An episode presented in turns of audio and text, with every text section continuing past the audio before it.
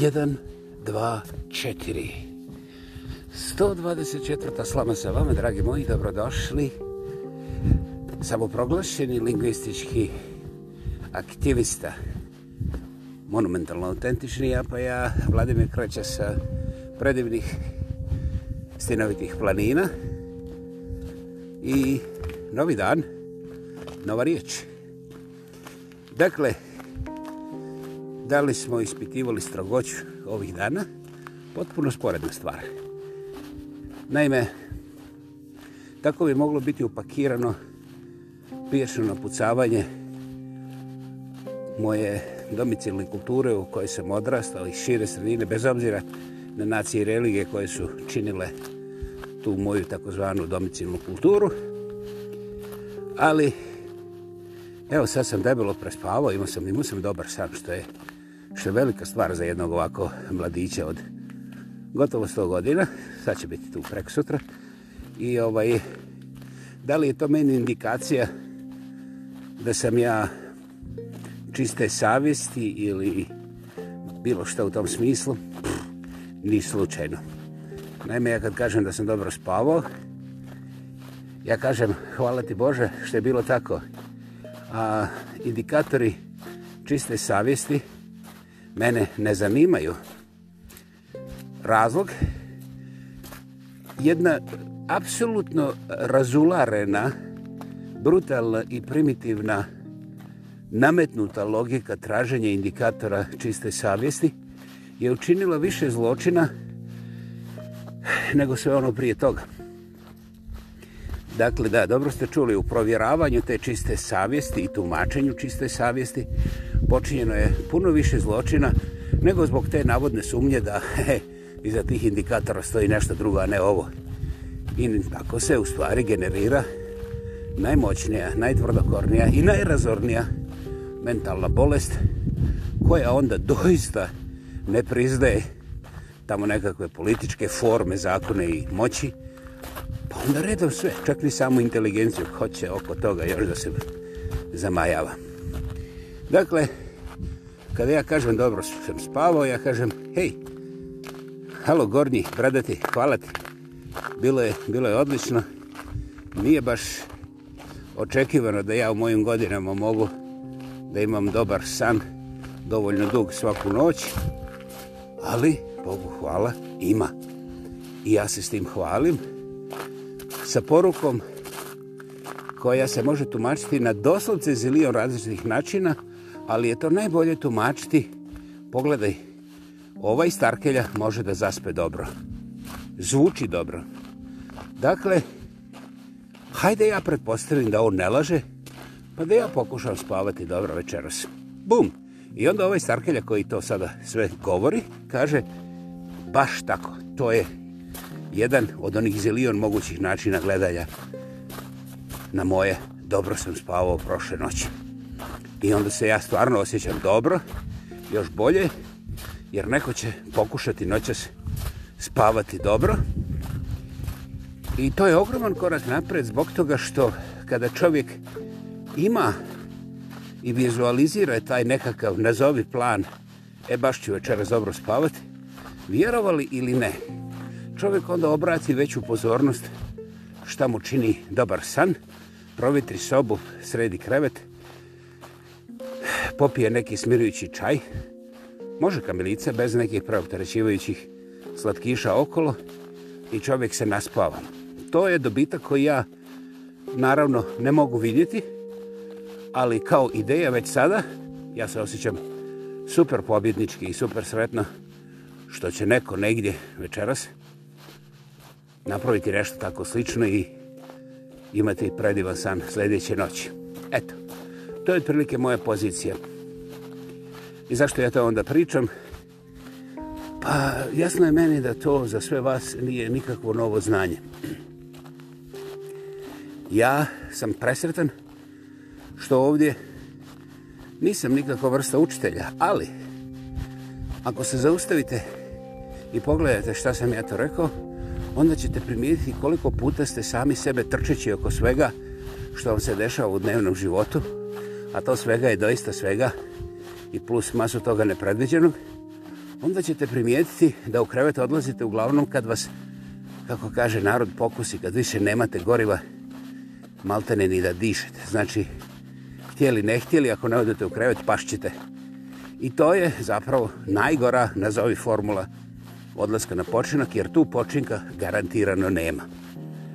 Ja ne bih o sada nevjerovatnim medicinskim posljedicama. To ćemo ostaviti, jer to pripada cijelo jednoj epohi ovih zauzetih, preopterećenih, trčećih i tako dalje. Eto, to je jedan od načina. Upravo s toga, kada sam ja onako, uh, ja uopće nisam sretan priznati da me iznenadilo, iako me iznenadilo za manje od jednog milisekunda, a onda mi je bilo odvratno i dosadno to ponašanje kada meni čovjek plati u jednoj te istoj kafani ovaj tri ručka zaredom u manje od mjesec dana, pa onda ovaj gosom vlasnik i kompanija počnu da spašavaju čovjeka od financijske propasti. A ovaj,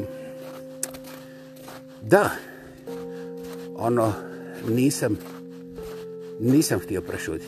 I danas kad sam dobro spavao, ovaj, drago mi je što nisam htio prešutiti, jer ja nemam vremena. Vrlo je ozbiljna mogućnost bila da ja noćas ne, jednostavno ne probudim se, jer moje godine su tu, moje vrijeme je tu i ja sam čovjek koji manje više ne postoji, ja sam na izlasku iz ovoga života. To sada može da se tumači na sve načine, ali nikako da ja želim zabiti nož u leđa tom gosen vlasniku koji je doista patetičan sam sa sobom. Jer, izračunajte, šta ja dobijem ako, eto, uzimam u nekom ludilu, čak i zatvorim njegov restoran?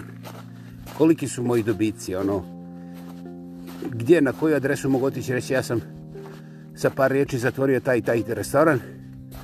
Sada jel mogu dobiti kod vas palačinku besplatno ili recimo možda čak dvije palačinke, ne znam. A ovaj, ili ne znam koja grupa će reći u, dođi kod nas, mi ćemo ti dati orden za zatvaranje toga restorana. Dakle, ako samo malo uključite mozak, primijetit ćete da moja nekakva korist, ni materijalna, ni moralna, doslovce ne postoji. Međutim, moj razlog za javno komentiranje takve brutalnosti je, kao što sam i objasnio, personalni najprije. Ja sam cijelog života šutio vjerujući da će takvi... Da, gospodo Romi, nemojte, se zamiriti, nemojte mi zamiriti, ali da će takvi cigojniri, znači trik majstori koji naš nabrzaka brzaka ti se smiju, daju ti sve, onda ti zabudu nožu leđa iz čisto najluđeg, najbrutalnijeg mogućeg kuta, računajući upravo na to da ćeš ti ostati bez zraka, ne vjerujući šta se desilo i onda će nastaviti da te cijedi cijelog života. Što se meni na više adresa dešavalo duži period u životu. Dakle, a moj razlog je da odrastem, da kažem, ej, gože, gospode Bože, ja sam odrasto, ja ne šutim na brutalne podmuklosti, pa čak ako ih potpisuje moj otac, moja sestra i moja mate. Ako ima mojih podmuklosti te vrste, ja vrlo javno, vrlo glasno kažem ne prešućujte ljudi, to je protiv vašeg zdravlja. Zaboravite džepove, mi se oko džepova nastavljamo navlačiti na razno razne načine. Neki od njih su, a, neću da koristim te riječi, ali mi ne možemo naše personalnosti povlačiti po kaljuži, po kanalizaciji neljudskog i onda stajati uspravno. Znate?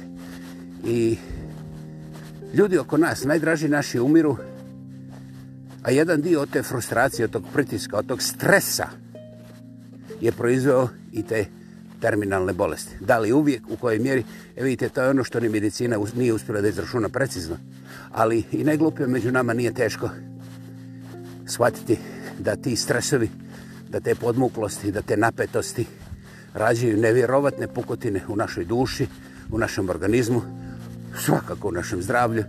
A onda taj novac, he, Bože moj, to je priča koja se može nadoknaditi, barem po mome shvatanju. Dakle, ako je mene neko opelješio ovom milionamo, manje više kad se smirim, ja kažem da sam gledao, mogo sam to primijetiti. Dakle, Vrlo malo je situacija kada ja nisam primijetio da, da desi se meni da ima mrtvi kut. Nevjerovatno. I ovaj, nekakva bazična zdrava logika govori da čovjek koji misli da pokriva sve je opasan sam za sebe. Čovjek koji je u životu nešto probao pa naučio, on ne kipti bijesom nego udahne, misli da je sve pod kontrolom i odmah ga, ha, ha, sve pod kontrolom.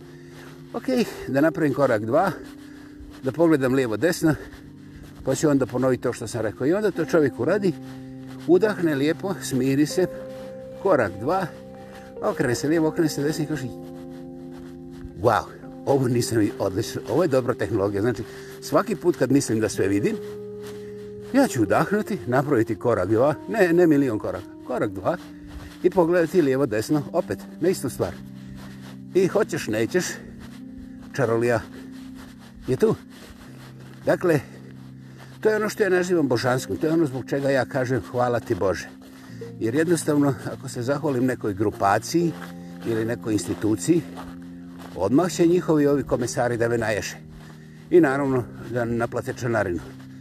Dakle, tumačite me kao škrtoga ili zaostalog, ili da, izaberite, ima tu enciklopedija mogućnosti, ali biti slobodan čovjek, to znači uh, udahnem Ovo je bio moj zrak, koji mi niko nije poklonio. Ali moja pluća su moćna da ga uzmu i u mojim plućima nema ni jednog jedinog eho odjeka koji govori u ovaj zrak je ove političke strukture ili one religijazne orijentacije. Nego jednostavno to neopisivo zadovoljstvo dubokog udaha Bože, evo sad mi pada na pamet kad gledam na snijeg. To je kristalno čisto. I doista ja to riječu ne mogu uhvatiti. I valjda je to sloboda i ljubav u jednom, u tom uzdahu. Ne uzdahu, udahu, prosite. Uzdah je nešto drugo, emotivno nabijeno. I to da. Dakle, ja sam primijetio da moje zdravlje nije poklon od nekog pere, pa onda drugog pere, pa znaš, onda tri pere, pa onda skineš sa vrata tri pere i onda misliš da si zdrav. Nije tako. Zdravlje je nešto što prepoznaš u sebi i okolo sebe. I to je tako fantastično jednostavno da na vrhu svake iskrene i iskonske jednostavnosti počiva samo genijalno ili božansko, kako hoćete. I upravo zato, kada ja udahnem, ja taj udah volim i ne može me onda skrenuti jedna brutalna manipulacija nekog tamo kafanđije koji mi ravno u oči laže da bi samo korak dalje objašnjavao čovjeku koji me dobeo na ručak kako ja njega pljačkam. Ovaj, a pri tome, eto moram i to spomenuti, nije stvar što je on ponudio nešto što nema veze sa svežinom, nego kad njegove cijene kompariraš sa najbližim restoranom u njegovoj zoni, onda riječ pljačka počiva na pravoj adresi. Dakle, ovaj manipulatori nikada neće dozvoliti da sagleda cijelu sliku, to će biti brzo potencijalno i onda naravno oni su u pravu, a vi više nemate vremena ni da, ni da reagirate jer nije vam jasno za polovicu riječi u kojem smislu u kojem cilju i zbog čega su tu. I upravo se to očekuje. Dakle, rezultat je vaša zbunjenost, a on to interpretira okolo prisutnima da ti muljaš, jer da su tebi misle čiste, ti bi jasno rekao šta ti smeta, ali ti ne smiješ, jer u stvari ti si taj koji laže, maže i podvaljuje. I te manipulacije su najrazornije za njegovu djecu. Naravno, ne danas. To dolazi to ne zaustavljava, dolazi i ne može se odkupiti. To čovjek mora mijenjati iz sebe. I ovaj, to je stvar koja jednostavno se neće naučiti u školi, fakultetu. Nažalost, ni u crkvi danas. I čovjek, pošto se to ne pominje tako glasno, nije popularno, on je siguran da njegovi trekovi mogu trajati prvo zilion godina, a kasnije ćemo vidjeti za dodatke. I ja sam nekada malo sažaljevao te ljude, zbog toga sam im davao popuste, pa čak plaćao te njihove trikove, što smatram mojim promašajem, nisu krivi oni, ne. Ali ja danas znam da je to eh, self-imposed, znači samo nametnuta kazna koja se zove karma i od koje se ne može pobjeći nikako. Dakle, ne možeš je kupiti, ne možeš pobjeći, rezultati dolaze. Pa čak iako ih niste tražili. A tim brže ako ih pokušavate izbjeći. Jer morate učiniti suštinsku, suštinsku promjenu iznutra prema vani. A to nije obećanje prema meni. To je nešto što morate prepoznati. I ako taj segment kod vas ne radi, to znači da ste okorili prevarant naravno prema sebi najprije. I u životu vas čeka još puno teških situacija, bez obzira koliko ste nakupili novaca, restorana, kadilaka i ne znam već koje izvečke vas interesiraju. Zanimljivo je da niste naučili ništa od svojih mrtvih koje ste sahranjivali u mirodopskom periodu i onda ste mogli primijetiti kada čovjek završi sa ovim životom, da jednostavno čak i ne pomišljate šta je na parkingu, a pogotovo ne na koju adresu se vraćamo u koji dio grada. A, tu čovjek čak ni susjed ne spominje šta je ostalo na tekućem računu. Ideju znate, ovo je već naporno kada je Helena otišla, ja sam htio ili ne htio, pošto sam bio jedini da organiziram i sredim sve, morao da bouljam. Imao sam pomoć potpuno nepoznatih ljudi. Potpuno nepoznatih ljudi. Znači, ljude koje ja nikad u životu nisam ni vidio prije tog vrlo, vrlo tužnog i katastrofičnog perioda života mog u to vrijeme. I ovaj, ja sam doslovce bauljao, ja sam bio kao nekoliko, na. I onda se desilo jedna kratka istinita priča, onda se desilo da je jedan naš čovac, čija žena je također bolovala od raka, rekao meni Helena je koristila onaj neki lijek koji smo i nabavljali iz Meksika preko nekog našeg prijatelja u Pensilvaniji i plaćali smo ga. Ohoho! Mislim, taj rak nas je financijski, ono, ja ne znam kako smo uspjeli ostati u kući, to, to, mi, ne, to mi je nejasno i danas, ali eto, to nema veze. I uglavnom, ja sam bio financijski, ono, gol, ono, zero. U, zero je dobra stvar, to je, to je nešto što postoji na obzorju, pa se vidi. Ja sam bio duboko u rupi i on kaže, donesi mi, platit ću ti koliko tražiš ako imaš taj lijek. I ja mu donesem taj lijek, to je jedna kao bočice. I vrlo dobro sjećam se kao danas.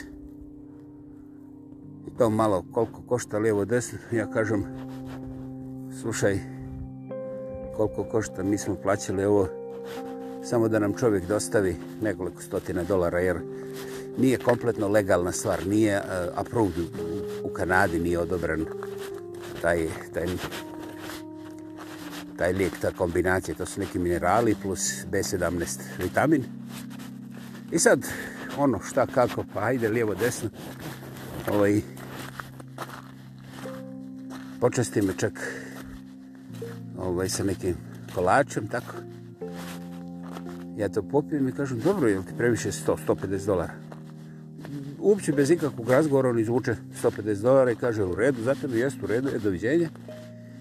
I sad, nakon dva dana eksplozija, ovaj, ja opet vratio do njegovog tog mjesta.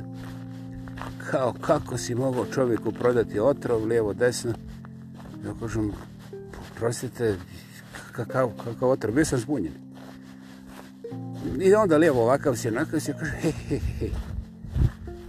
Dakle, sve se svodi na to da sam ja prodao otrov, A ako je otrov, je li on to provao? Uu, super. Je li ja mogu dobiti svoj otrov nazad? Ja ću platiti duple pare da ga dobijem nazad. A ovaj, uglavnom, nakon mučnog pregovaranja, dogovor je pao da niko ne treba ničiji prljavi novac, ali ne treba ni otrov, pa ću ja ovaj, dobiti svoju bočicu sutra, ali da sutra u to i to vrijeme donesem 150 dolara nazad. Hvala. Bogu hvala, nešto se riješilo, pa sam ja bio zadovoljan sa tim. Mada sam osjećao jedan preveliki teret pražnje ovih ljepotana na mome karakteru i na svemu. Naravno da sam bio najgora pojava u svemiru, ali to, to ne samo da ne mogu nikome da se žalim, nego ni sebi ne mogu da objasnim do današnjeg dana. Međutim, ja sam naučio da udahnem, da osjetim sebe i da budem načista sa sobom, znaš, da mogu otići na spavanje. Kako sam ja to htio nekoga da otrujem za njegove pare, to mi se inače nikada u životu nije desilo. I sad odjednom ovi otkrili da sam ja taj neki otrovač i to čak za ozbiljne pare kao. 150 dolara, nije novac za basiti, ali u ovom rješniku to nikad nisu bile ozbiljne pare.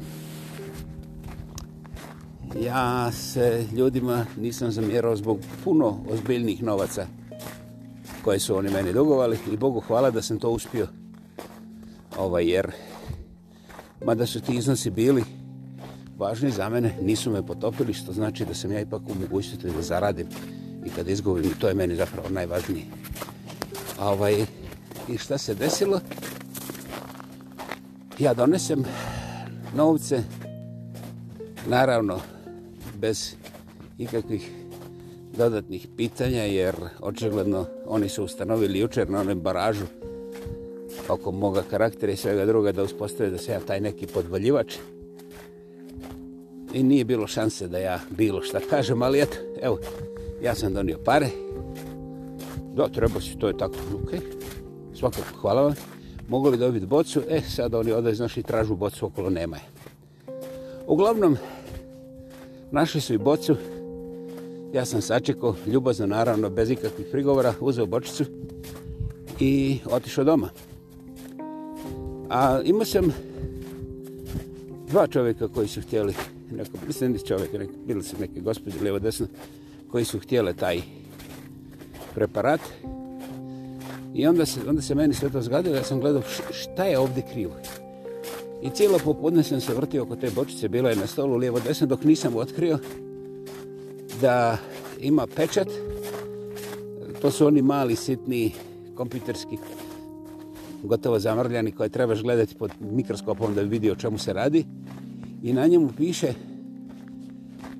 best, znači najbolje, najbolje za upotrebu do, recimo, 1. aprila 2020 a to je bio sada već 1. september toj godini. Znači, po tome žigu, šta ja znam, 4-5 mjeseci je već istekla kao vrijednost toga lijeka. A, ja nisam ni pomislio da se vratim toj gospodi, jer to best before je nešto što kaže da bilo šta što se nalazi u toj bočici je najbolje do toga i toga datuma. Dakle, ne kaže se da 1. aprila, kad taj best before ističe, da toga momenta postaje otrov ili opasnost. Čak i zakonski je tako. Međutim, oni su u svojoj boli i svojoj nesreći vidjeli mene kao podmetača. Inače, to su ljudi koji su financijski stabilni i da sam im to platio 1500 dolara. Oni sa tolikim iznosom nemaju problema ono jednostavno nemaju problema ja ne mislim da su oni zilijarderi ali 150 dolara je novac o kojem oni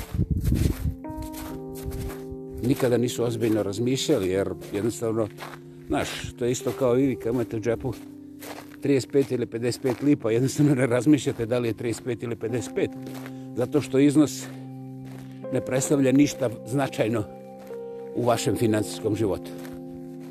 Međutim, njihovo gađenje i agresija kontra mene koji sam im podvalio nešto što su oni tražili od mene jer su primijetili da Helena i ja to uspijem nabaviti i platiti. Znali su precizno koliko plaćamo jer nije bilo govora o prodaji prije toga.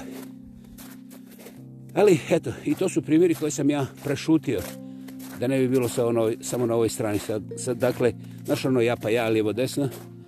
Međutim, više nemam problema kako god hoćete da tumačite to ja pa ja, ja nevin, oni krivi se, oni samo napadaju mene, ja sam ova žrtva. Jer sam prošao dug, naporan i skup period a, kontrole i depozicije moga mentalnog zdravlja sa više profesionalaca koji nemaju veze sa balkanskim kretanjima ni na koji način i ovaj sa profesionalcima koje sam ja umeđu vremenu naučio da volim, obožavam i poštujem jer ono što su oni izdržali sa mnom ja s njima ne bih ni za 15 minuta pa čak ni za 1500 puta viši novac nego što su oni naplatili za moju terapiju to ne znači ništa osim da sam ja barem donekle svjestan kako sam bio veliki Srećković da imam te ljude koji su spremni da rade sa mnom. Inače, cijelog života bi igrali ping-pong. Ovi su ružni, oni su kužni, a ja sam ja, jeli, lijep, mlad, plav, nepogrešiv i skroman. Dakle, nesreća tog takozvanog našeg svijeta je što je uvijek napadnut izvana, i što uvijek ovaj drugi hoće da ga zezne i da mu podvali. To što smo mi odgojeni kao hajduci, da kad se god ukaže prilika šalabrcnemo i da ne platimo, to vidiš ne postoji kod mene, to je samo kod ovog mog susjeda koji je inače ružan i nikad nije bio pametan kao ja, osim toga vidite da nije ni skroman ni lijep kao ja, jel? To se vidi. E, sad znam. Dakle, kada će početi promjene? Gospodo, Vidjeli ste i sami da raspadom Jugoslavije nisu počele promjene. Znate, to je nastavak jedne bolesti koja je ušla u krvovu metastazu, pa je onda iz krvi prešla u bijelu kugu, a danas već imamo um, gotovo nevjerovatno financijsko sužanjstvo, i ovaj umeđu vremenu se nakupilo dovoljno oružje, sprema se novi rat i to je onda mjesto gdje ćemo postati junaci i izaći iz gliba. Zanimljivo je da svi ratovi prije toga su isto tako očekivani i zamišljeni i da su rezultati svaki put bili lošiji. dakle, možda je vrijeme, možda je vrijeme, da primijetimo kako dobra noć, dobrog sna počinje od vaše promjene malih stvari. Pomislite večer ćete imati dobar san i onda će se odjednom ispostaviti da treba provjeriti sobu, provjetriti sobu. I bez većih ulaganja vi ćete najvjerovatnije imati dobar san. Ako pomislite da rat nije nužnost. I samo malo to pomislite, pošteno i sebe, ne da nekoga ubijedite. Ne, ne, ne, ovo mora biti samo, ovo mora biti bez riječe, ovo mora biti u vama. I onda pomislite da stvari mogu biti puno bolje bez rata. Odjednom, kad izađete iz tih par sekundi razmišljanja na taj način, ćete primijetiti da da rat nikad nije bio neizbježan. Da, rat nikad nije bio neizbježan. To je brutalna glupost koju su ljudi u afektu nametnuli sebi jer nisu imali dovoljno para za legalna rješenja pa su onda zamučkali, zamutili vodu i rekli he, vi ste nas muti, u mutnoj vodi prije ovako, e sad ćemo mi zamuti sve naše strane, pa pošto mi mutimo, mi ćemo onda vas više Mi ste primijetili kako su somovi sa jedne strane. I to je početak stvarne promjene. 124. slama sa vama. Ja pa ja, kovi drugi, Vladimir Kreća sa predivnih sinovitih planina. Ispod sunca, led već puca, i planinski brzaci bivaju već svakim danom sve glasni. Trebam li reći da se to zove ljepota? O Bože, hvala ti. Hvala i vama što ste imali strpljenja. Čujemo se ubrzo. Hvala.